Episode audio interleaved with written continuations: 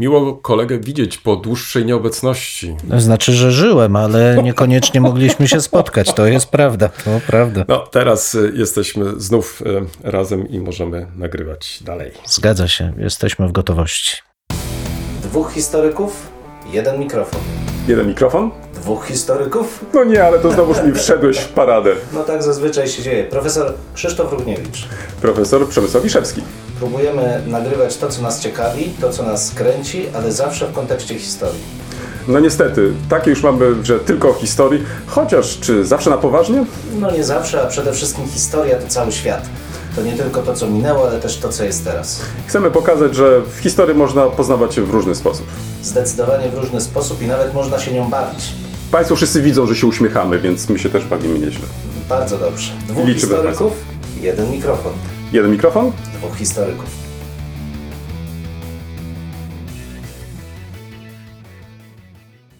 Kolego, mamy zaległości, nie wiem czy wiesz. Ogromnie nam narosły, za co serdecznie przepraszam, bo to moja schorowana wina niestety. No ale to wiesz, za chorobę nie można przepraszać, no tego nie mogłeś przewidzieć.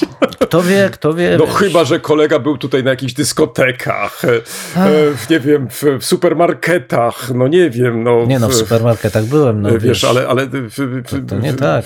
no nie wiem, no, w, jakichś tłumach, no może się wmiesz, z tłumami się mieszałeś. Jeździłem tramwajami, to chyba A, największa wina, wiesz. Może- no ale takie dlatego. życie, takie życie. A tak a propos właśnie tych zaległości, y, odsłuchałem sobie kolejne odcinki podcasterixu Mhm.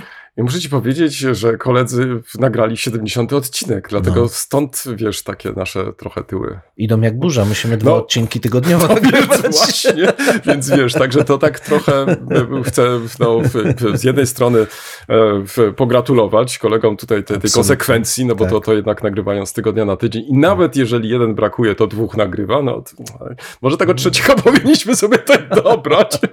Jest to pomysł. No tak, bo tak wiesz, pomysł. samemu nagrywać to, to jakoś mi się nie chce, szczerze mówiąc.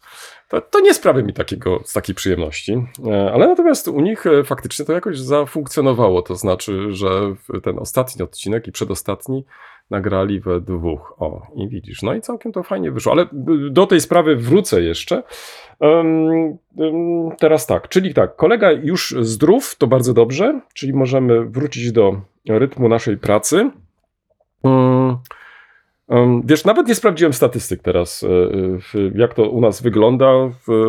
Wolę póki co na razie nie zaglądać tam. Rzucimy nowy odcinek, to tak, będą tak, nowe to, to masz rację. statystyki, Ale tak. wiesz, ale nie, możemy się pochwalić, Dawaj. że e, tak, no, wysłałem ci nawet tego No linka, tak, że tak, staliśmy tak, się e, już, e, mm, jakby to powiedzieć, Międzynarodowo rozpoznawalni. tak, zarchiwizowano nas. To znaczy, proszę Państwa, tak, to muszę zdradzić, ale to z przyjemnością i tym samym podziękować, bo to, po pierwsze, to nie była nasza inicjatywa, może tak, znaczy nasza inicjatywa to jest ten podcast, ale e, fa- faktycznie tak się z, z, z, zdarzyło. I teraz co mnie zaskoczyło, że w informatorze elektronicznym o w, w Rosji, Białorusi i Ukrainie, chyba tak, jeśli się nie mylę, znaleźliśmy się z naszym podcastem. Tylko musisz Państwu powiedzieć, o jakiej archiwizacji mówisz. E, to znaczy nie tyle w archiwizacji, to w tym sensie, że wiesz, że tutaj nasz podcast został już e, w, w uwzględniony w wykazie różnych e, aktywności historyków i historyczek Mhm. em, w przestrzeni e, wirtualnej. Mhm. Czyli podcast jest jednym z Tak. nich. I ten wykaz ukazał się na stronie. Na, na stronie internetowej, tak, tak. Ale kogo? Czekaj, no, ale nie, no, to ciągniesz mnie teraz za język, więc... No ciągnę, nie, no, kurczę, nie, no. nie, nie, no, wiesz co, nie, no, to, to może po, po, zróbmy tak, że, że No. opis e, znajdzie się e, pod naszym e, podcastem, czy, czy, czy może tak, informacja o podcaście, o tak będzie lepiej. Clio Online, proszę Clio Państwa. Online. A, a no, no, Clio ja, ale, no to Online. bardzo, bardzo szacowna instytucja. Tak. Clio Online. Faktycznie, y, wiesz, już tak na marginesie, mm, dodam, że już od wielu lat y, na tym portalu publikowane są różne informacje dotyczące krajów Europy Środkowo-Wschodniej, a zwłaszcza y, naszej obecności jako historyków ym, i historyczek, tak? Widzisz, te feminatywy coś mnie ostatnio, wiesz, biorą. Wiesz, ja nie wiem, słuchaj, jak to jest? Masz ten sam problem, że jak... Nie mam. Aha, nie masz. ale wiesz, ale, ale staram się tam, gdzie jest to możliwe, w, w, używać też e, w, żeńskiej formy. Także e, historyczek i historyków, Mhm. e, czyli jest to faktycznie kierowane i, i tam ta aktywność jest też wykazywana, tak więc zachęcam, żeby od czasu do czasu zaglądać może na ten portal, bo mm, myślę, że warto, a z drugiej strony także i z tego powodu warto, że mm, może istnieje potrzeba uaktualnienia niektórych rzeczy. Mhm. Myślę, że redakcja jest na tyle otwarta, że będzie to też e, na bieżąco e, wprowadzać. Z pewnością. Mm, tak. Y, To co, to pochwaliliśmy się, ponarzekaliśmy trochę, Nie, nie. ale cieszy, narzekaliśmy. cieszymy się generalnie, nie? Z swoją obecnością, No, czy nie? no pewnie, że się cieszymy. Tak, znaczy, tak. rzeczywiście musimy Państwa też przeprosić, bo udawało nam się z Anglii nagrywać do Polski. Do Polski. A tutaj nam a, się tu nie proszę, udało, a tutaj, a tutaj z ale- Wrocławia. No, ja nie powiem, że kilka przecznic dalej, no bo to nie byłoby do końca tak. Ale, Ale, ale, no, rzeczywiście, no, proszę tak. Państwa, choroba była Tak, ciężka, tak. więc cieszymy Poza się, tym, że proszę. Państwa, jeszcze jedną rzecz muszę zdradzić, bo to kolega faktycznie tłumacząc i w ogóle powiedział, że on nie może się skoncentrować, więc to było naprawdę poważne. Było No, poważnie, no, proszę Państwa. No, to- Tak. Ale już teraz się kolega skoncentrował, tak, tak, jestem więc już bardzo. teraz działamy dalej. Czyli skondensowany jest. do następnej części. Kolega jest skondensowany, tak. dobrze. e, Ciekawostki kolego. Ciekawostki, tak, jak zwykle cierpię z tej okazji, ale już udało mi się coś wymyśleć, bo proszę Państwa, człowiek młody już nie jest, trochę tak jednak tu strzyka, tam boli, ale zacząłem myśleć w związku z tym z dużą zazdrością o wszystkich domach pracy twórczej, Aha. nie mylić z domem spokojnej pracy twórczej, ale domem pracy twórczej. I tak pomyślałem, że rzeczywiście takie instytucje są bardzo intrygujące i ciekawe, i nawet niektóre nasze uniwersytety mają takie instytucje, Mhm. co jest w ogóle chętnie bym się przeniósł, ale otóż dowiedziałem się ze swoich lektur, że powstało nawet całe osiedle pracy twórczej.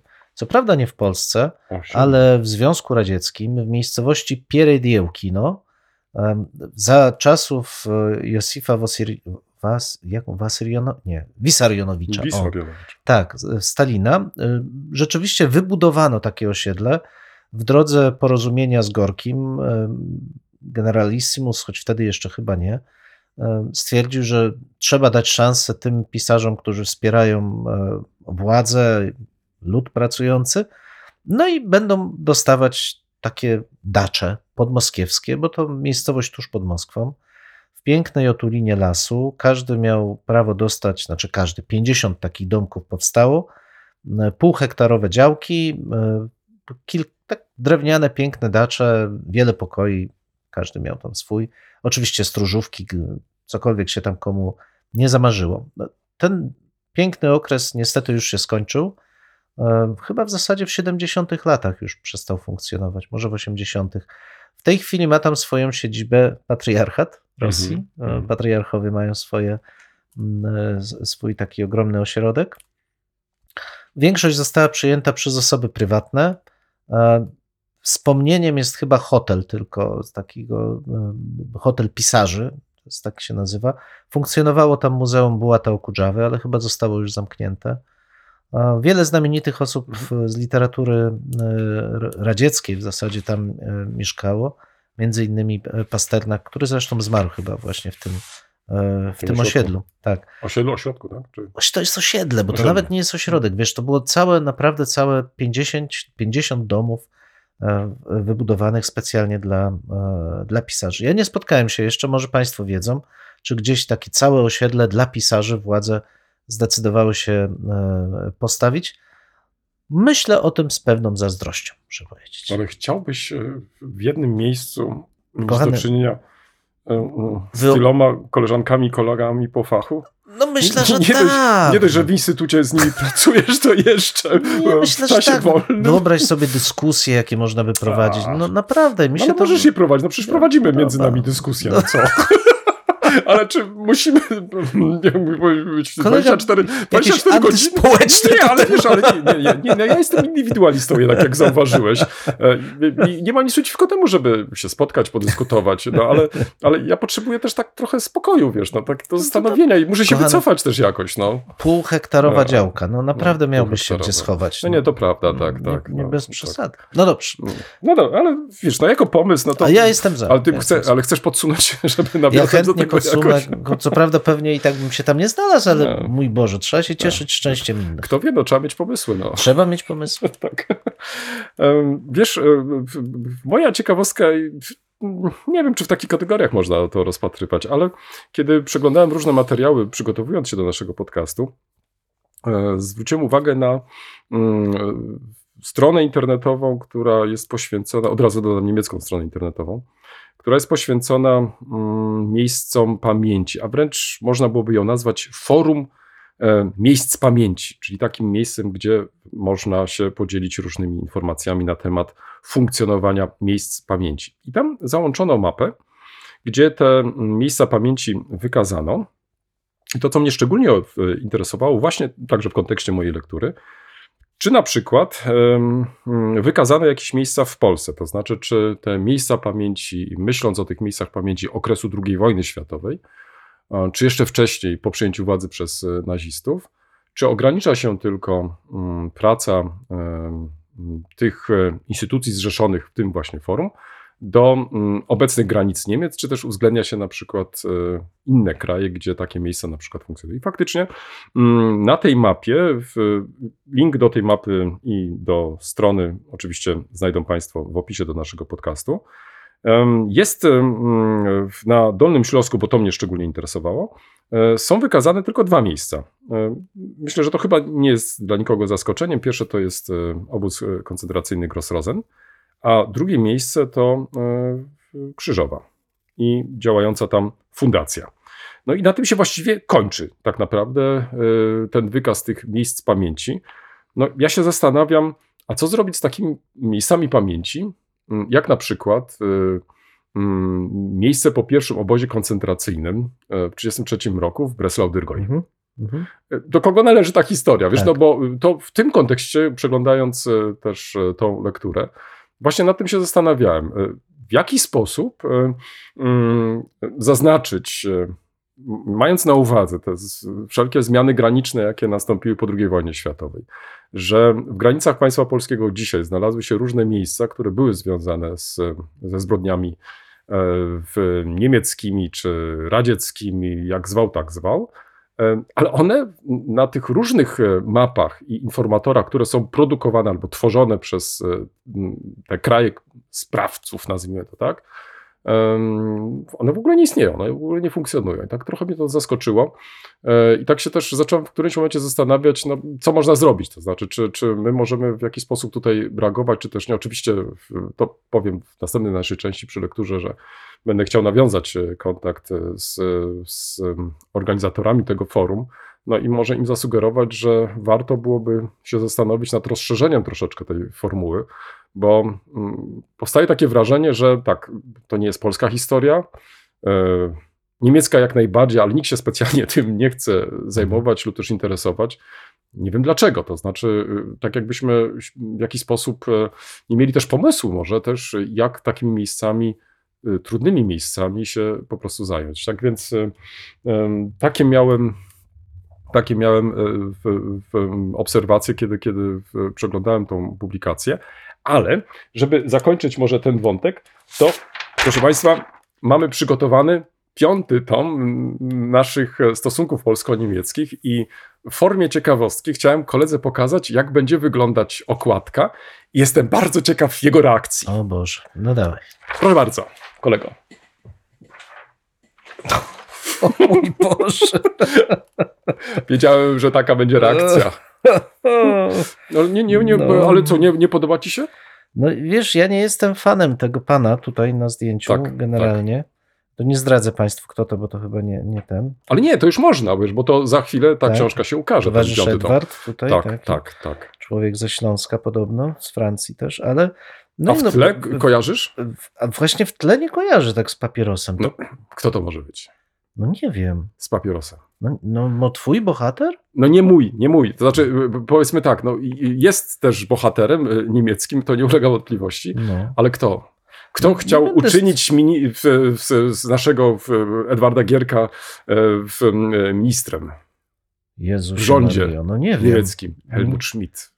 W życiu bym I on powiedział. zawsze, słuchaj, był y, tym z No. nieodłącznym papierosem. Nie w życiu bym nie Naprawdę, powiedział. może ci podesłać No, no, film, no. słuchaj, y, Dobrze, tam gdzie dobrze. zobaczysz, że on y, zawsze z tym papierosem. Wiesz, Bardzo tak. ciekawa okładka. Powiem, że no, na tle tych pozostałych będzie się fajnie wybijać. Mm. Podoba mi się. Naprawdę Wiesz, e, to może tylko dodam, proszę Państwa, bo być może mm, w- Państwo jesteście tym zainteresowani. Ukazały się dotąd dwa tomy kolegi. Mhm. O, tak a propos, widzisz, nie wspomnieliśmy nic o targach książki, ale może o tym No.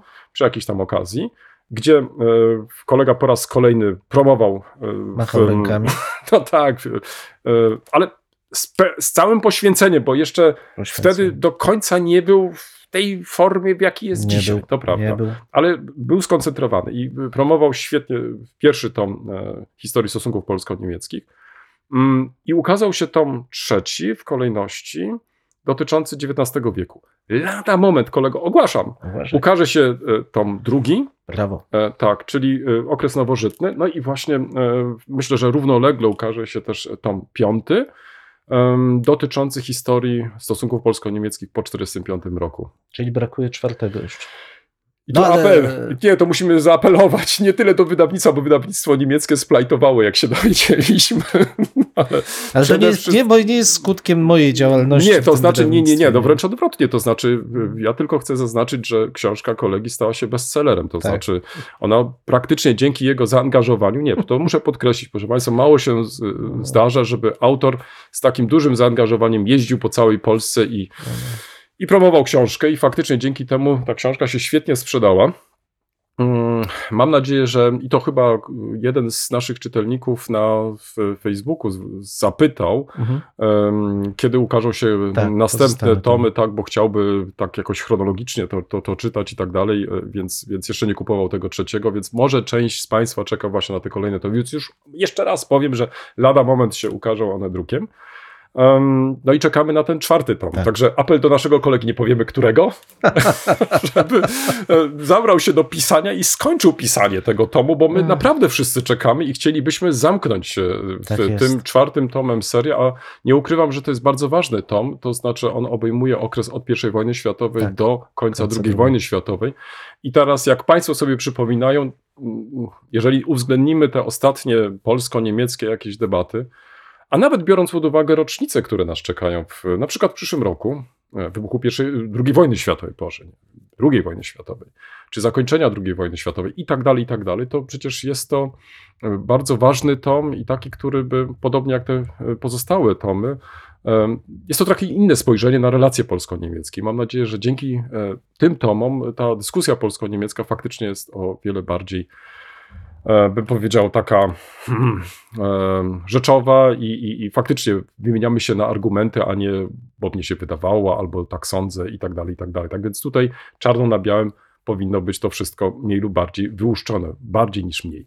Tak więc dziękując koledze za tą pierwszą reakcję, mam nadzieję, że Państwu ta okładka się też e, spodoba. Autorom się spodobała, tak więc em, myślę, Będziecie że... Państwo zadowoleni. O, właśnie tak. I e, m, jeszcze tylko dodam, że autorem tej okładki jest em, Wiesław Smentek, którego przy tej okazji też serdecznie pozdrawiamy. Pozdrawiamy. Machamy, pozdrawiamy. To tak, przechodzimy płynnie do następnej części. Tak, Lektury. e, Lektury. Właśnie tak zastanawiałem się, co wybrać, bo faktycznie leżąc na łożu boleści starałem się czytać. e, Coś czasem- bardziej luźnego, mam nadzieję. No, Różnie, no tak, tak, aczkolwiek czasami rzeczywiście nie udawało się skupić na tyle, więc coś tam oglądałem, więc o oglądaniu też za chwilę będzie. Ale tutaj e, e, uzyskałem dzięki e, życzliwości małżonki mojego kolegi książkę, nową biografię pióra Aleksandra Kaczorowskiego, Izaaka Babla. Iza, właściwie Babel, człowiek bez losu. Mhm. Bardzo ciekawy tytuł. Pisarz, em, chyba u nas trochę zapomniany jednak. Em, autor chyba najbardziej znany dzięki Armii Konnej, tak? czyli Tak, opowieści o e, wojnie e, radziecko-polskiej, polsko-bolszewicki. polsko-bolszewickiej, tak się mówi ładnie, dobrze, Mhm. polsko-bolszewickiej.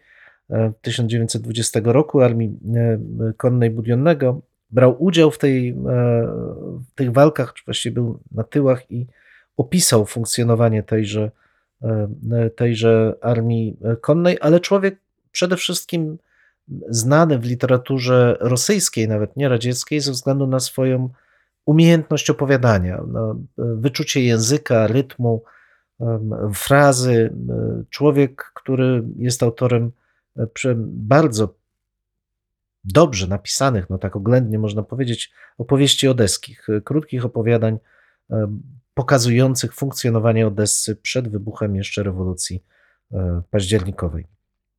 To oczywiście jest kanwą jakoś tych, e, tej opowieści, ale przede wszystkim jest to opowieść o literacie, człowieku e, o dużym wyczuciu estetyki, czy skupionym na estetyce, żyjącym w kraju, dla którego estetyka nie odgrywa wielkiej roli. Jest to człowiek, e, nie bohater, od razu to trzeba powiedzieć. To nie jest bohater, to jest człowiek, który z jednej strony bardzo chce pisać i opowiadać i tworzyć, ale z drugiej strony jego moralność jest, mówiąc oględnie, bardzo dyskusyjna, w tym sensie, że nie jest to. Nie wiem, jak ładnie jak to ująć. Nie jest to mój bohater. On, człowiek, który naginał się do obowiązków władzy, brał udział w pierwszym zjeździe pisarzy e, radzieckich, e, potrafił e, przygotowywać najbardziej, no może nie właśnie nieestetyczne, ale jednak oddające hołd władzy e, listy. Funkcjonował też jako swoisty agent e, radziecki e, za granicą, bo był wysyłany, żeby przedstawiać piękno kraju radzieckiego. Dzisiaj dopiero okazuje się, że w momencie, kiedy czuł tą zbliżającą się niełaskę władzy, był w stanie przekazywać informacje o funkcjonowaniu, prawdziwym funkcjonowaniu Stalina i jego otoczenia historykom francuskim. Ale rzeczywiście jest to jakby człowiek bez losu. To jest bardzo trafne, w tym sensie, że ciężko w zasadzie powiedzieć, co osiągnął, do czego dążył, czy co, u, u, co jest w stanie Mhm. upostaciowić swoim funkcjonowaniem. Um, czyta się tą pracę, czy to, tą biografię naprawdę dobrze. Znaczy, ja szczerze polecam, bo jest to, nie jest obszerna bardzo, bardzo zwięzła. Ja nie wszystkie, przyznaję, książki Aleksandra Kaczorowskiego równo oceniam.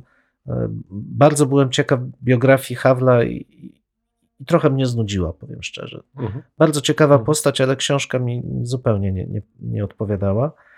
Może nie zupełnie, ale nie odpowiadała mi. Natomiast tutaj e, postać właśnie wydawałoby się dużo mniej ciekawa, natomiast e, praca jest, książka jest bardzo dobrze napisana. Czyta się ją płynnie. Osoba została przedstawiona wyraziście, ale też całe otoczenie tej osoby, funkcjonowanie tego świata, to co jest najciekawsze, bardzo dobrze w tym gra. Może jedyne zastrzeżenie jest takie, ale to pewnie wynika już ze stanu źródeł, że sama końcówka jego losu, ta już rzeczywiście końcówka, kiedy został aresztowany i wobec niego prowadzone było śledztwo, zostało potraktowane bardzo po macoszemu. No być może jest to jakaś, e, jakieś też takie delikatność samego autora, który nie chciał przedstawiać szczegółów zeznań i e, w sposobu, w jaki był e, traktowany Babel. Jest to też opowieść o e, próbie integracji świata żydowskiego w Związku Radzieckim. Pod tym kątem, czytając tą książkę, można też no, wiele ciekawych rzeczy zobaczyć i zrozumieć, jak funkcjonowało to środowisko diaspory żydowskiej w Związku Radzieckim. Bardzo różnorodnie i w bardzo różnych okresach czasu, w różnych warunkach działało. I ostatnia rzecz, która mnie zaskoczyła, a chyba nie powinna, Mhm. to myślę, że kojarzysz e, zwyczaj arystokracji rosyjskiej, tej przed rewolucją, e, wyjazdów do Europy, gdzie w zasadzie spędzali oni bardzo dużo czasu podróżując po tej Europie Zachodniej.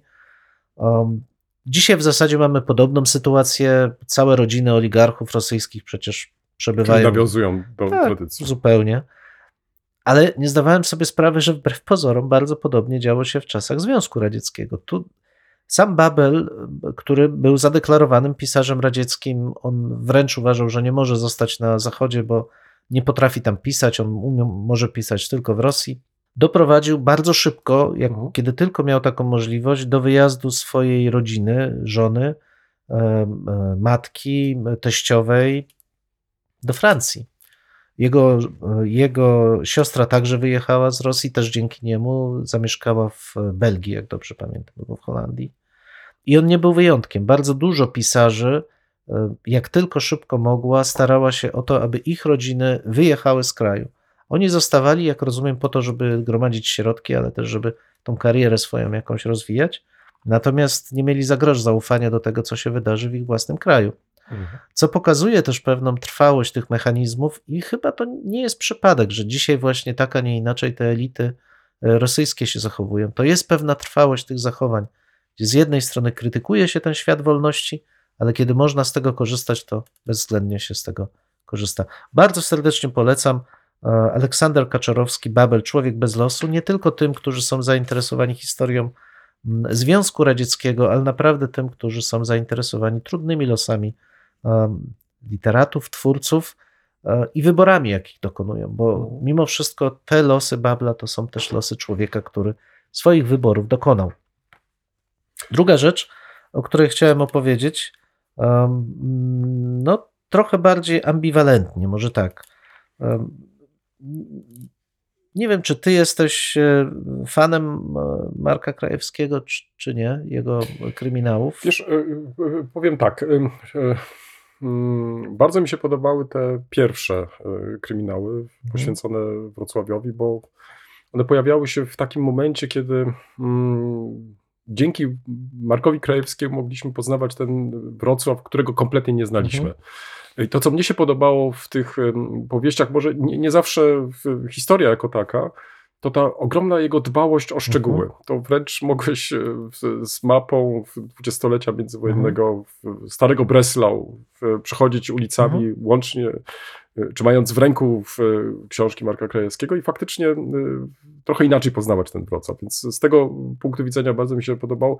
Co mi przeszkadzało w tych e, opowieściach, ja nie wiem, pewnie za chwilę powiesz, co jest dzisiaj w tych książkach, to jednak te elementy seksualne i Mhm. jakoś tak strasznie wyolbrzymione, wiesz, i to tak z, z takimi e, przejawami, bym powiedział, takich bardzo negatywnych e, przykładów. No, Mhm.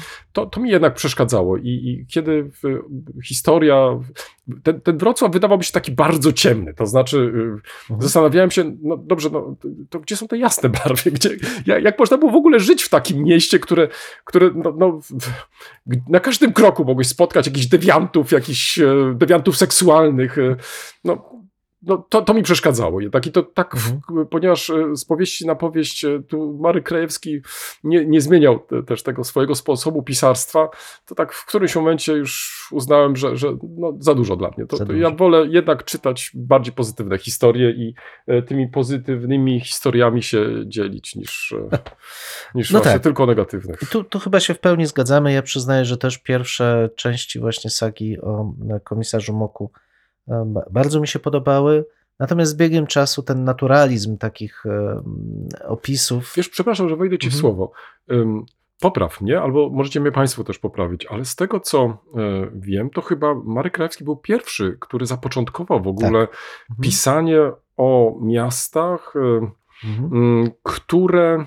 No, może inaczej, e, o, o czasach, które nie istniały, lub też, lub Mhm. też takie, co do których em, musieliśmy wszystko rekonstruować od początku do końca. Tak więc nagle się pojawiła moda na różne Kryminały kryminały, retro. właśnie. Tak, i Mhm. to chyba Marek Absolutnie. Krajewski był tym, który Tak. e, wprowadził ten, ten gatunek, tak? Czy podgatunek tak, tak, e, tak. Kryminału, tak, tak, najbardziej. kryminalnej, Zresztą tak. był, jest, jest, był i jest tłumaczony na wiele języków. E, Ja sam pamiętam, kiedy w trakcie jednej z konferencji w Danii zostałem, e, rozmawiałem z kierownikiem archiwum lokalnego i on z takim radością, o pan jest z Wrocławia, ja tu czytałem kryminały Krajewskiego, wspaniałe. Więc naprawdę jest ambasadorem tej To może ja miasta. przesadzam, słuchaj, w tej mojej No, ocenie. nie wiem, ja, ale ja ją podzielam. Znaczy, ja przyznaję, że ja po, pie, po pierwszych czterech chyba książkach, kolejne już mi zupełnie nie Mhm. odpowiadały. Także dlatego, że, że Marek Krajewski jakby właśnie kontynuował ten sposób. Tam nie było zaskoczenia już.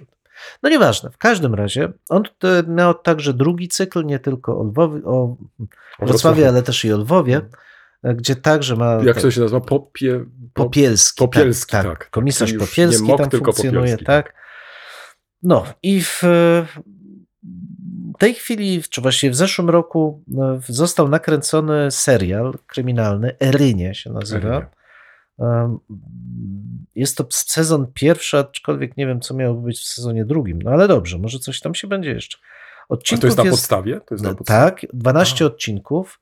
Um, Autorzy starali się połączyć, dominuje osobą e, komisarza Popielskiego. To nie jest o Moku, to jest o komisarzu Popielskim. A Mok się przewija, ale jednak tu główną postacią jest e, Popielski.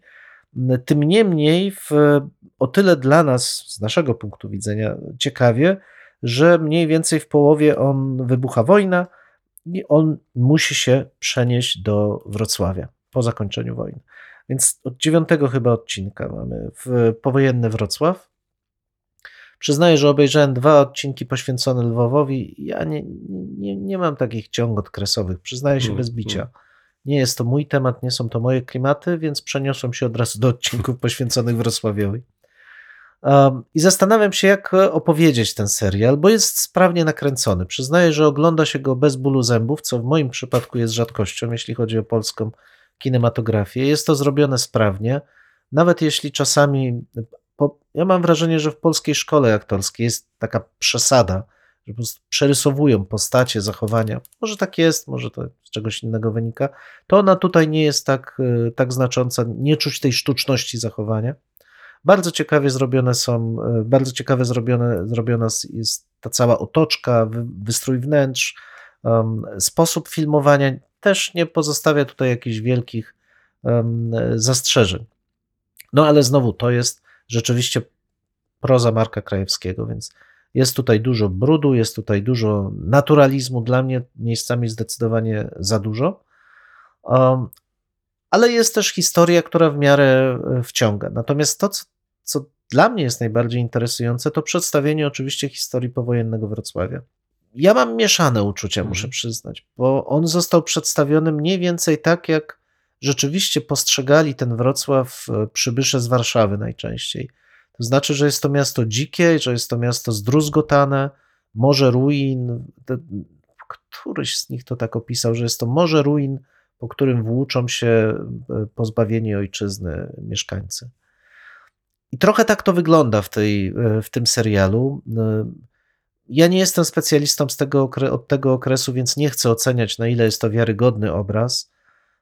Mam wrażenie, że jednak zdecydowanie przerysowany w pewnych miejscach. Nie cały Wrocław był tak zniszczony. Nie wszystkie dzielnice tak wyglądały. Nie wszędzie też te zachowania żołnierzy radzieckich, które tu są po- pokazane, wyglądały tak, jak wyglądały. Zresztą tutaj trochę konsekwencji zabrakło, bo z jednej strony i słusznie e, pokazano, że ci żołnierze w wielu przypadkach byli e, bezkarni, gwałty, rabunki, wszystkie te rzeczy. Mm, A z drugiej strony pokazują młode kobiety, które nocami chodzą ulicami e, Mhm. Wrocławia. To jest w ogóle abstrakcyjne zupełnie zachowanie. Niemniej w, przy wszystkich tych zastrzeżeniach wydaje mi się, że warto spojrzeć na ten obraz Wrocławia. Ja uważam, że on jest przerysowany, że, że jednak z tych wspomnień, które czytałem, wyłania się też i ta druga strona, to znaczy ludzi, którzy pełni nadziei starają się odbudowywać e, te relacje społeczne, starają się funkcjonować e, w tym, e, w tym mieście. Mm, No ale cóż, no, jest to na pewno okazja, żeby zobaczyć tą wizję zniszcz- zniszczonego Wrocławia. Tu bardzo dużą rolę odgrywają e, komputerowe animacje. No, widać, że ten budżet był jaki był, ale są one zrobione znowu bez bólu zęba. Da się to Mhm. obejrzeć. em, Nie mi oceniać, na ile wiernie, na ile mniej wiernie zostało to e, przekazane. Jakby podsumowując to wszystko, e, nie wiem, czy polecałbym cały serial, to już miłośnicy, zwłaszcza historii Lwowa, musieliby oceniać, bo jednak jego jest tutaj e, najwięcej.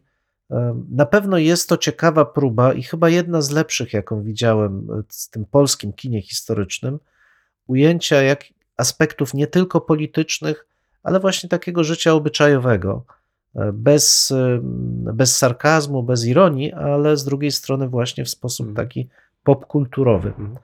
Polecam zainteresowanym. Ale to jest y, tylko jeden sezon, czy, czy to jest początek w ogóle? Sezon. Jak, no wiesz, na razie jest czy, jeden czy sezon. Początek, y, czy początek generalnie, wiesz, o, E, Kilku, sy- czy, czy zaplanowanych jest kilka sezonów? Nie mam bladego pojęcia. Wiesz, z tego co Mhm. pamiętam, ta, ta saga o Popielskim, ona się jeszcze rozwija, on Aha, się przenosi czyli- na Pomorze potem. A, czyli to Więc może jest będzie możliwość, kontynuowane, w tak. zależności od tego, Tak, jak, jest możliwość. będzie zainteresowanie. e, Tak. Dokładnie tak.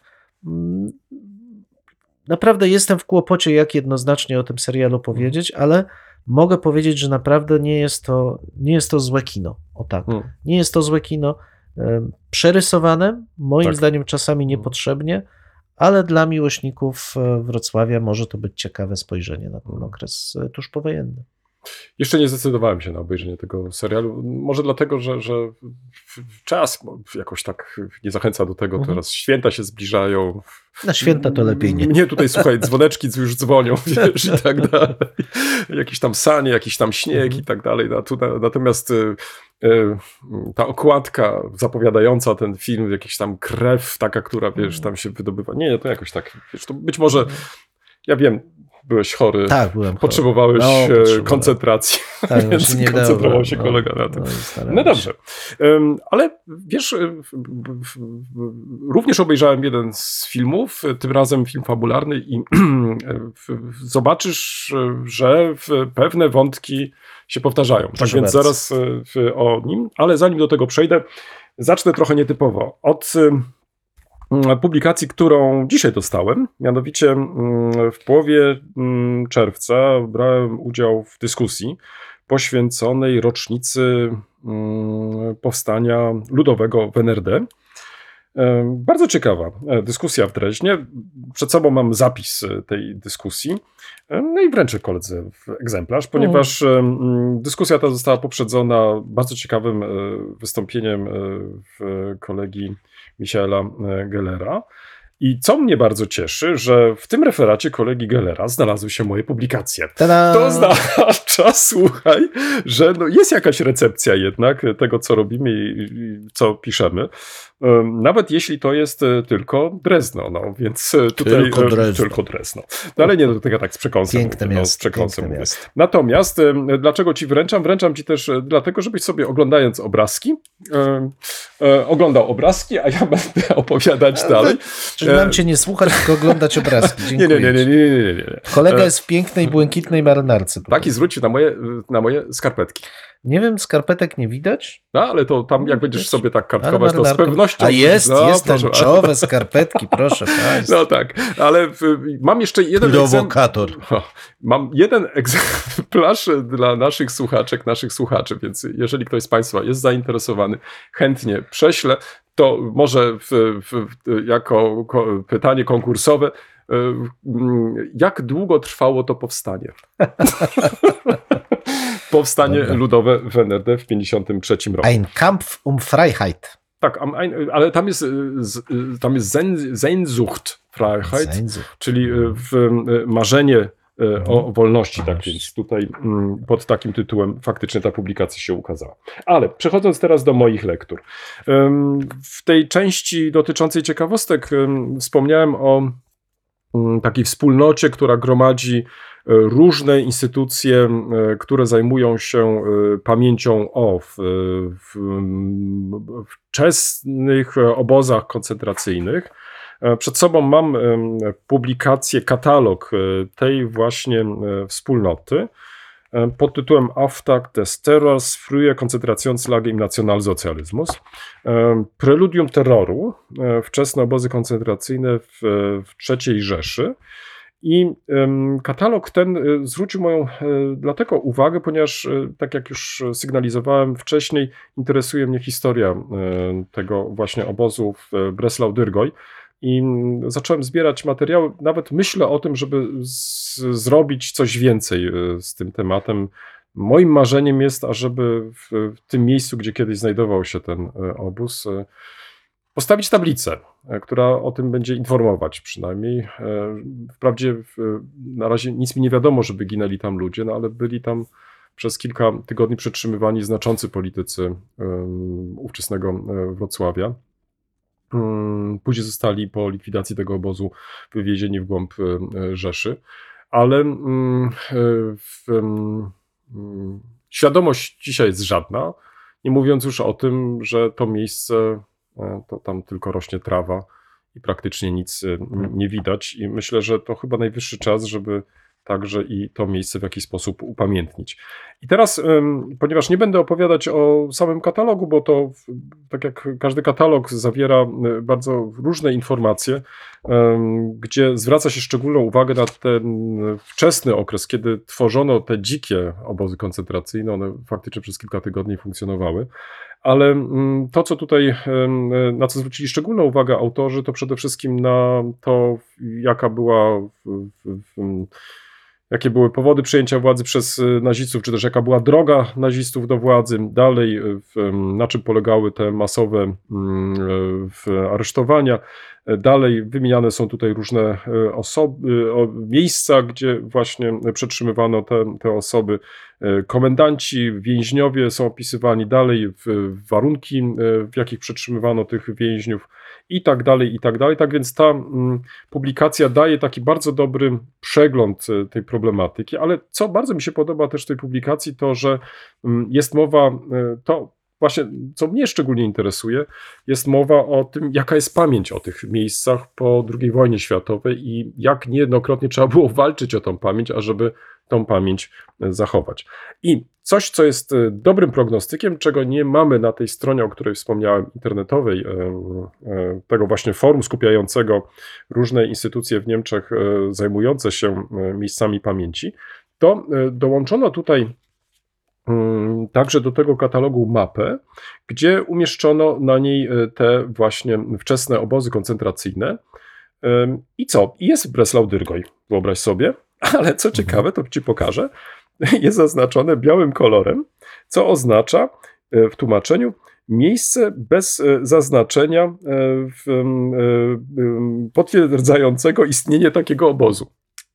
Wiesz, no, e, myślę, że tu autorzy powinni sobie zadać trochę Tak, więcej trudu jednak e, i ten obóz e, może nie jest jakoś tam szczegółowo opisany, ale w przeszłości ukazywały się różne publikacje na temat tego obozu. Także informacja o tym obozie znajduje się w wielotomowym opracowaniu poświęconym obozom koncentracyjnym, czy też wczesnym obozom koncentracyjnym. No i tutaj nie sądzę, żeby to był jakiś problem. Tak więc... ale, e, ale może chodziło im o to, że na miejscu nie ma zaznaczenia. E, Być może tak, no więc to ewentualnie w, w ten sposób mogliby się też Tak. obronić, bo e, tutaj zwróć uwagę, e, na terenie Polski są wskazane także i inne miejsca, i te miejsca faktycznie poza e, jednym, Słońskiem, Sonnenberg, e, zaznaczone są również na bia w białym kolorem, co oznacza, że faktycznie e, być może e, w tych miejscach, mimo że wiadomo było, że znajdowały się te wczesne obozy, w tych miejscach nie ma żadnych form upamiętnienia tak tych właśnie obozów. Tak więc być może tak. W każdym razie tutaj dowiadujemy się, że jest to stan wiedzy za rok 2022. Katalog ukazał się w tym roku. Tak więc zachęcam Państwa, tych zainteresowanych historią wczesnych obozów e, koncentracyjnych, żeby sięgnęli też do tej publikacji. Wiesz, wiesz z jakiego powodu to jest ważne? Bo Mhm. My cały czas koncentrujemy się na okresie II wojny światowej. Cały czas mamy przed oczyma te obozy, które powstały po Mhm. wybuchu II wojny światowej, zwłaszcza na e, terenach polskich. Natomiast nie uwzględniamy tych e, obozów, które powstały już zaraz po przyjęciu władzy przez nazistów. I te masowe aresztowania, to one zapoczątkowały właściwie i były, tak jak tutaj autorzy pięknie to nazywają, preludium właśnie do e, tych represji, do terroru e, państwa narodowo-socjalistycznego wobec e, przeciwników Tak, tak, tak. politycznych i tak dalej, i tak dalej. To warto zwrócić uwagę na bogatą dokumentację fotograficzną tak, właśnie w tym katalogu. No, rzeczywiście. Także warta jest ta publikacja, wydaje mi się, uwagi. Teraz kolejna sprawa to mm, film. Mianowicie mm, obejrzałem sobie film, który polecam Ci. Jutro będzie padać. Nie jest to może jakaś super produkcja, ale jest to film, e, który mm, poświęcono losom e, Polaków, Niemców e, na Pomorzu. Lub też, jak wolisz, też Kaszubom, bo tutaj autorzy tego filmu niejednoznacznie określają, kto był Polakiem, kto był Kaszubą, kto był Niemcem, chociaż e, naturalnie wskazują, ale te, o tych dylematach dowiadujemy się też w tym filmie. I okres, który wybrano jest szczególny dla dziejów e, Pomorza, to jest okres od e, 30 roku do 51, czyli mamy ten czas, kiedy poznajemy głównych bohaterów, e, dwóch braci, którzy zakochują się w, w, w niemieckiej e, sąsiadce. I mm, w chwili, kiedy wybucha wojna, zmieniają się całkowicie relacje między właśnie nimi w tej właśnie wsi, może nie tyle między tymi młodymi ludźmi, co po prostu innymi osobami, które albo w, ubierają mundury, albo też na te mundury opaski i odtąd E, można powiedzieć, z sąsiadów stają się katami, bo także i takie mhm. mamy sytuacje. Więc e, jest to bardzo ciekawa opowieść o losach e, ludności Pomorza, Kaszubów w tym właśnie trudnym okresie i wyborów, przed którymi stali. Jedni szli do Wehrmachtu, jedni podpisywali listę, inni uciekali do partyzantki Gryfa. Także to wszystko w tym filmie możesz zobaczyć. Jest to moim zdaniem zagrane w sposób bardzo przekonujący. I to, co jest rzeczą ważną, nie chcę naturalnie opowiadać całej historii, bo, bo myślę, że warto, żebyście Państwo sobie obejrzeli ten film, tym bardziej, że jest już teraz dostępny w, w internecie w całości, więc można go sobie w całości też obejrzeć i wyrobić sobie samemu zdanie to mnie zainteresowała, tak jak i ciebie, ta warstwa historyczna. To znaczy, tutaj e, muszę przyznać, że mm, autorzy zadbali o każdy szczegół. To znaczy, nie tylko jeżeli chodzi o wystrój e, w wsi, oddali też e, czas e, lat 30., 40., kiedy ta cała główna akcja się działa. Zadbano też o strój, bo to też jest ważne. I teraz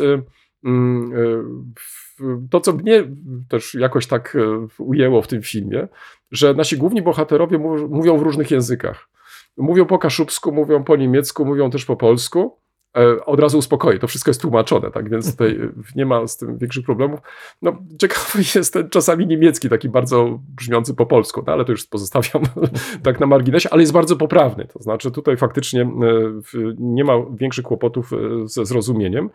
No i teraz y, y, czasami zdarza się, że ta część fabularna z aktorami jest przetykana różnego rodzaju dokumentami historycznymi, fragmentami filmów. Na przykład to się dzieje w, wynik, w momencie wybuchu II wojny światowej. Ale co jest może też ciekawe i to też mnie ujęło, to ten okres bardzo tragiczny też dla tej ludności, koniec wojny i gwałty na e, kobietach i też te dylematy, przed którymi stali mężczyźni, kobiety i, zostało to zrobione w sposób, bym powiedział, taki mm, z bardzo dużym wyczuciem, e, jednak z dbałością o e, jednak historię ofiar, to znaczy w tym sensie, że nie ma tutaj tej dosłowności. To, to bardzo mi się podoba w tym filmie. Znaczy, doskonale wiemy jako widzowie, co w takiej sytuacji mogło się stać, ale i widzimy też te skutki tego, co się po prostu dzieje, ale, e, ale, ale są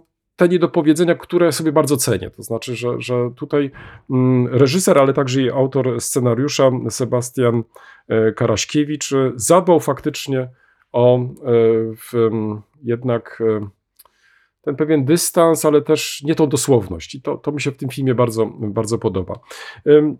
Nie jest to film z serii Płaszcza i Szpady. To, to, to nie ulega wątpliwości. Jest to film, który pokazuje nam raz jeszcze, przed jakimi dylematami stawała ludność pogranicza polsko-niemieckiego. I to, czego ten film, albo do czego ten film zachęca, to przede wszystkim, żebyśmy się wsłuchiwali w losy tych właśnie ludzi, być może starali się ich lepiej e, zrozumieć, e, bo często to były losy tragiczne, a e, trudno jest, lub też przynajmniej ten film na to zwraca uwagę, tak szufladkować, że ktoś był Polakiem, ktoś był Kaszubą, ktoś był Niemcem.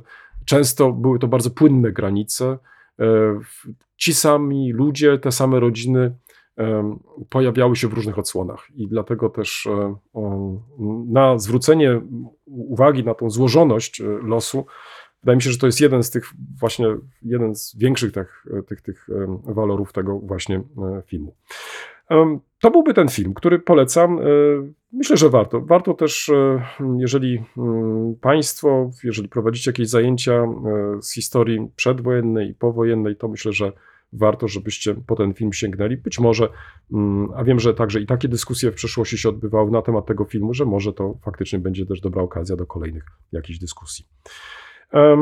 I teraz to, na co chciałbym Ci zwrócić uwagę, to na dwa podcasty, o których już wspomniałem, naszych kolegów z, z Podcasterixa, Boże, ja już, no, Podcasterixa.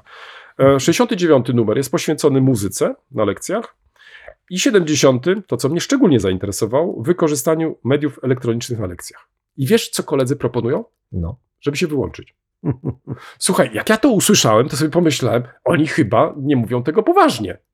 Poświęcili, i tutaj muszę przyznać, ponad 20 minut, żeby się rozwodzić na temat tego, e, że tak naprawdę to bez sensu jest używać e, te właśnie media. Ja się z tym, panowie, nie zgadzam kompletnie. E, Oni po prostu twierdzą, że e, w, w, po co mają rozwijać na przykład swój jak, swoją jakąś tam obecność w mediach społecznościowych, najlepiej je pozamykać. Panowie, ale tu nie o to chodzi przecież. To znaczy, z mojego punktu widzenia, w, można wykorzystać e, te media jako pewne narzędzia. Tak. Przecież można korzystać i z Facebooka, można tworzyć różnego rodzaju grupy, można tworzyć projekty. Ja myślałem, że coś więcej na ten temat się dowiem. Natomiast koledzy tutaj tak tutaj zastanawiali się, y, czy to ma plusy, czy to ma minusy, ale ja bym chętnie posłuchał też o pewnych projektach, które realizujecie. No, y, tutaj była mowa na przykład o mapach, że można te mapy zestawiać i tak dalej, bo większa jest łatwość. Całkowita zgoda. Tylko ja bym się chciał też dowiedzieć, no dobrze, no a em, co jak, jak to oceniamy? To znaczy, czy traktujemy te nowe media jako już część składową e, dydaktyki, czy nadal to traktujemy jako ciało obce? No ja miałem takie wrażenie, że koledzy faktycznie to raczej to traktują jako ciało obce i takie jakieś skalanie boskie, zamiast e, jednak mimo wszystko mm, przekonywać się i przekonywać też uczniów do wad i zalet. I teraz ja się naturalnie zgadzam z tym, że nie chodzi o to, żebyśmy na przykład em, analizowali coś i przekonywali, że coś jest prawdą, coś jest fałszem, że, że żeby korzystać, to trzeba też nauczyć, jak z tego korzystać i tak dalej. Ale z drugiej strony, ja myślę, że e, wyzwanie, przed którym dzisiaj stoimy, i to przecież w końcu nie dotyczy uczniów, ale także studentów, z którymi mamy do czynienia, jak y, posługiwać się za pomocą tych Mhm. narzędzi. To znaczy, ta świadomość po prostu jest to. Na przykład y, wątek, który kompletnie nie został poruszony, to jest na przykład sztucznej inteligencji. Jak na Mhm. przykład poradzić sobie teraz y, właśnie z tym, y, nie wiem czy do końca nowym narzędziem, bo w końcu już ze sztuczną inteligencją mamy już y, od jakiegoś czasu do czynienia, ale stajemy przed nowymi wyzwaniami. Ja myślę za chwilę, zarówno państwo, myślę tu o nauczycielach, y, y, ale i także i my, także stoimy przed tymi wyzwaniami. Już całe fragmenty są pisane przez sztuczną inteligencję. Dalej, jeżeli na przykład nawet robimy, bo na przykład dam Ci przykład, jedna z, ze studentek podczas moich zajęć, właśnie z mediów, zapytała, czy ona może sobie zrekonstruować za pomocą sztucznej inteligencji e, jakiś e, fragment bitwy pod Gettysburgiem. Ja powiedziałem, żaden problem. To znaczy, tylko musi mieć tą świadomość, że e, jeśli w internecie faktycznie są jakieś materiały, to są, mogą być różne materiały, to może być jakieś zdjęcie, to może być na przykład fragment filmu, który jest również udostępniony. To ona musi mieć tą świadomość, tak jak na przykład to było w tym podręczniku chińskim, że e, nie opublikowano w podręczniku chińskim do historii Niemiec XX wieku e, Stauffenberga, jak on wyglądał, tylko Toma Cruza, który grał Stauffenberga. Więc także z takimi sytuacjami może mieć do czynienia, ale to też nie jest problem, tylko to jest kapitalny punkt wyjścia, żeby podyskutować na ten temat i zastanowić się, jakie są wady, jakie są zalety korzystania właśnie chociażby ze sztucznej inteligencji. No bo to, że mamy takie narzędzia, to też nie możemy stwarzać wrażenia, że tych narzędzi nie mamy, że Tak. nie możemy z nich e, korzystać. korzystać. No to jest ciekawe, wiesz, czy ja z jednej strony trochę ich rozumiem, bo ta sfera mm, social mediów stała się tak agresywna, że człowiek czasami już traci chęć, Mm, ale z drugiej strony w pełni się z tobą zgadzam przede wszystkim dlatego, że od tego się nie da uciec. mm. Młodzi ludzie żyją w tym świecie, to jest ich świat, więc chyba jednak powinniśmy ich wspierać, żeby krytycznie do Tak, tego podchodzili, Mm. świadomie z tego korzystali, a, a nie rezygnować. Ucieczka nie jest Mm, rozwiązaniem. mm, mm. Znaczy, zamknięcie i powiedzenie, powiedzenie nie, teraz Tak, już koniec, prawda? Tak, to, tak. to, to no, nie, nie wchodzi w grę. nie, nie, nie sądzę. Także nasze konto będziemy dalej chyba utrzymywać, tak? Tak jest. Wiesz co, w tym momencie zakończę, mam jeszcze jedną lekturę, ale to sobie zostawię może Tak, za tydzień. Bo święta się później będą zbliżać, więc to taka fajna jest świąteczna. A co jest dzisiejszym tematem naszym? Słuchaj, y, ja myślę tak, że dzisiaj tak po, postanowiliśmy sobie chyba, że będzie to temat jakiś wolny, bo ja myślę, że sporo w takich wiesz, rzeczy, które się pojawiły w ostatnim czasie i, i gdzie moglibyśmy się jakoś tam ustosunkować, to tak. Za chwilę będziemy mieli nowy rząd, będziemy mieli nowego ministra, są pewne oczekiwania, jakie mamy wobec niego, więc możemy na przykład porozmawiać sobie, w, mm, czy mamy jakieś oczekiwania, e, czy też nie, czy mamy jakieś e, na przykład propozycje, czy też ich nie mamy.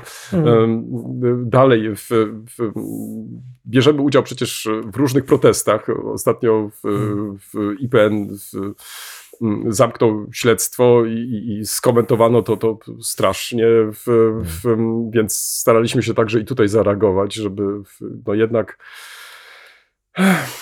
no nie powielać pewnych błędów, które powielano w przeszłości.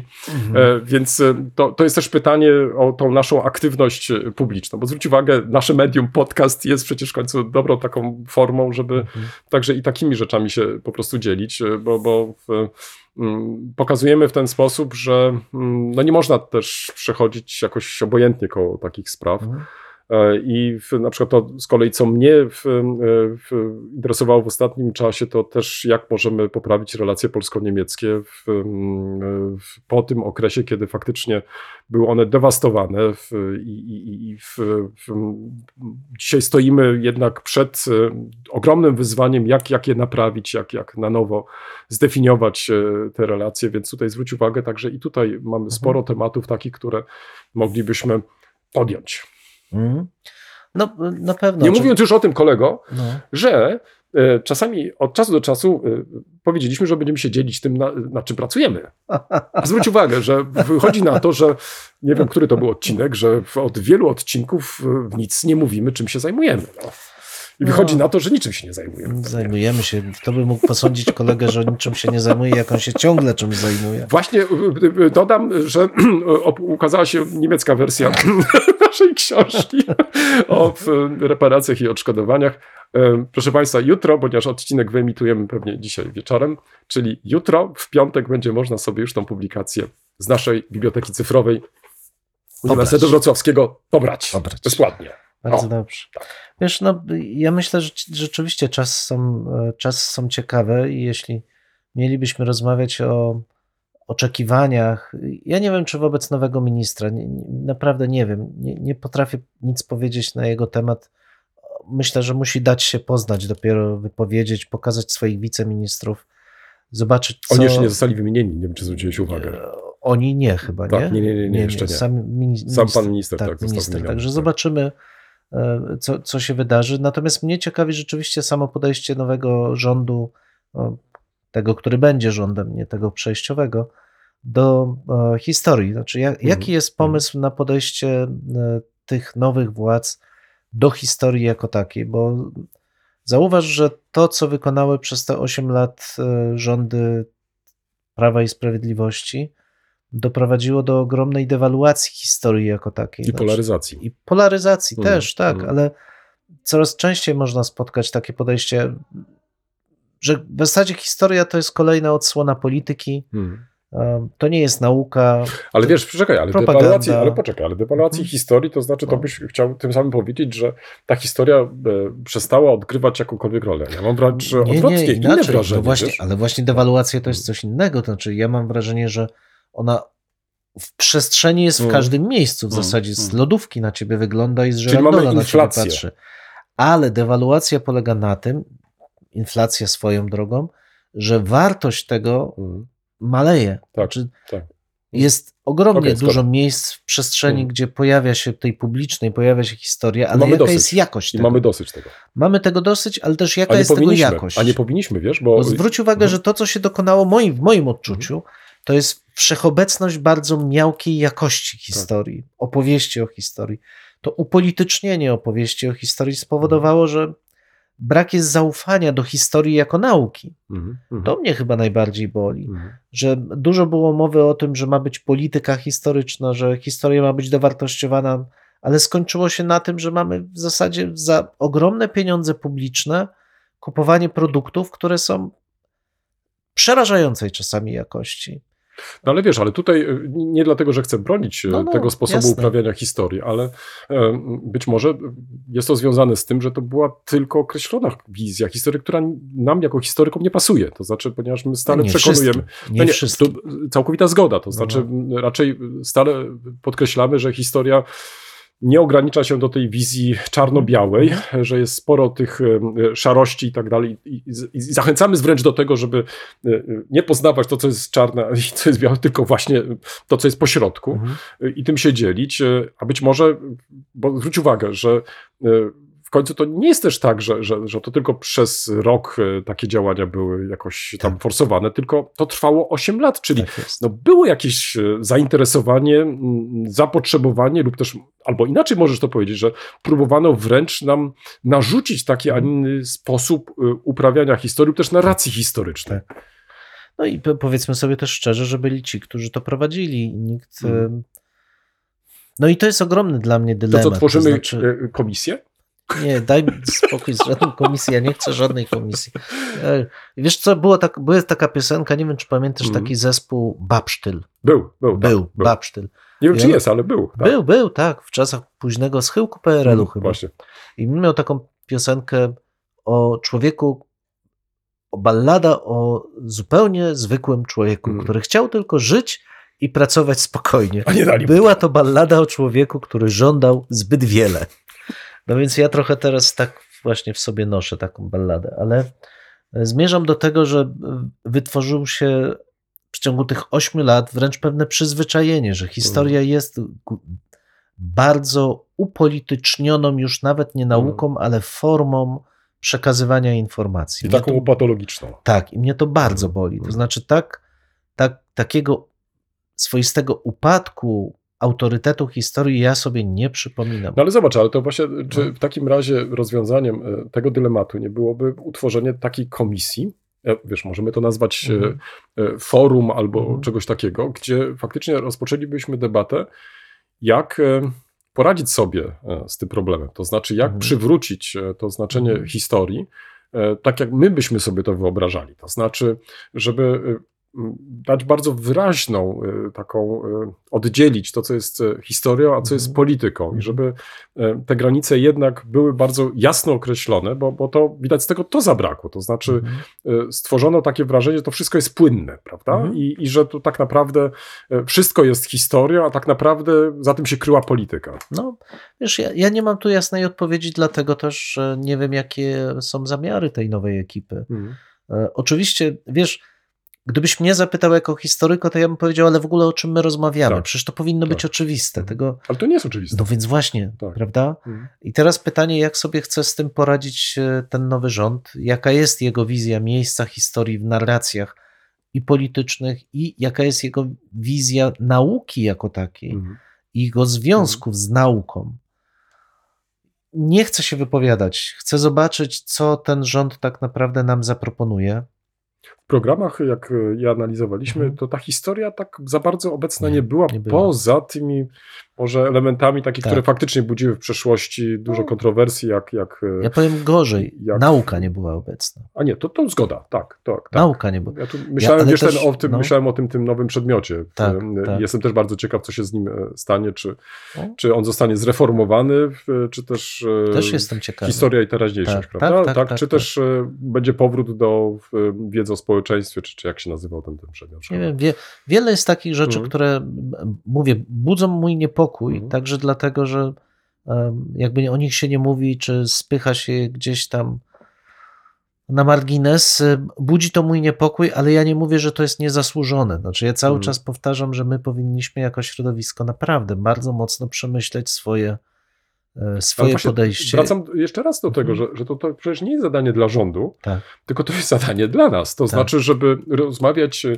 wśród nas o tym, jak sobie to wyobrażamy. To znaczy, Mhm. e, ale taka krytyczna refleksja nad tym, co było, wydaje mi się również ważna. Oczywiście, no mogę tak e, górnolotnie to nazwać jakąś komisją, bo teraz jest taki trend do tworzenia Tak, kolejnej tak, komisji tak, i tak tak. dalej, ale e, być może takie forum krytyczne, gdzie można byłoby spojrzeć, co zrobiono, w, jak dewastowano też e, historię, jak zmieniano jej znaczenie. No i teraz co z tym wszystkim zrobić? To znaczy, jak możemy przywrócić e, to znaczenie historii, które jeszcze, przynajmniej tak mi się wydaje, no, jeszcze kilka lat temu miała. Mhm. Nie wiem, wiesz, ja mówię ci, ja jestem naprawdę e, odległy od wszelkich rewolucyjnych działań, bo, bo boję się tego, że, że w naszym środowisku jest trochę tak, że, e, przepraszam, gdzie wiatr powieje, tam te łódki pożeglują. Hmm.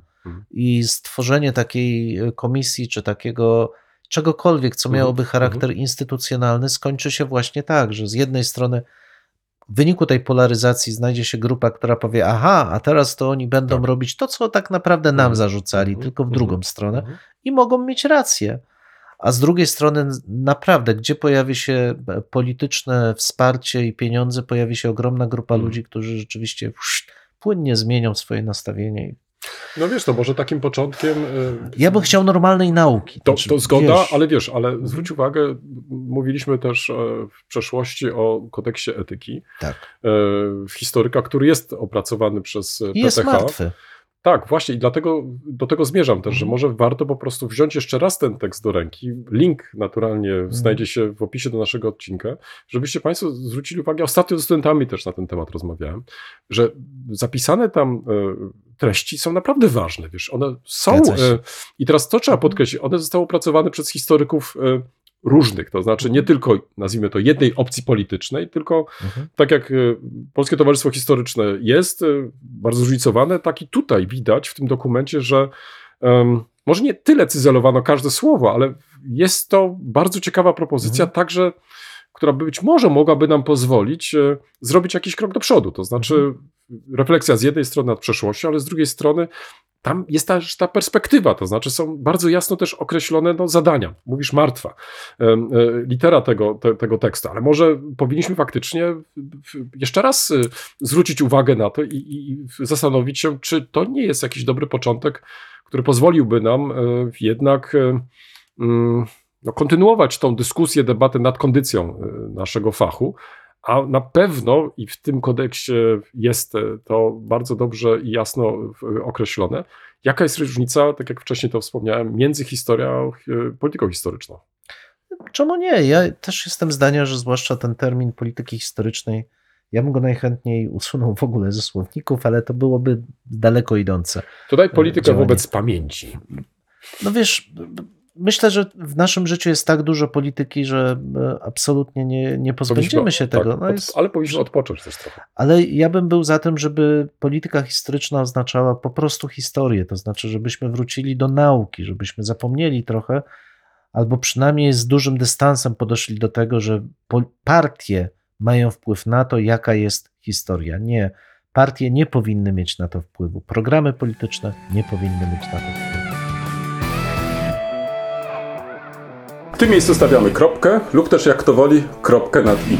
No, mamy nadzieję, że to nie jest koniec, że to jest początek Waszych dyskusji. Mam nadzieję, że Was zaciekawiliśmy. Prosimy o komentowanie naszych em, zmagań z historią. Poniżej zdjęcia jest wystarczająco dużo miejsca. I pamiętajcie, nie regulujcie odbiorników. No, my naprawdę tak brzmimy. E, tak, chociaż być może czasami e, może trzeba ściszyć. No może czasami ten nasz rechot by się przydało wyciąć nawet. Dwóch historyków, Jeden mikrofon, jeden mikrofon. dwóch historyków. Dziękujemy. Dziękuję.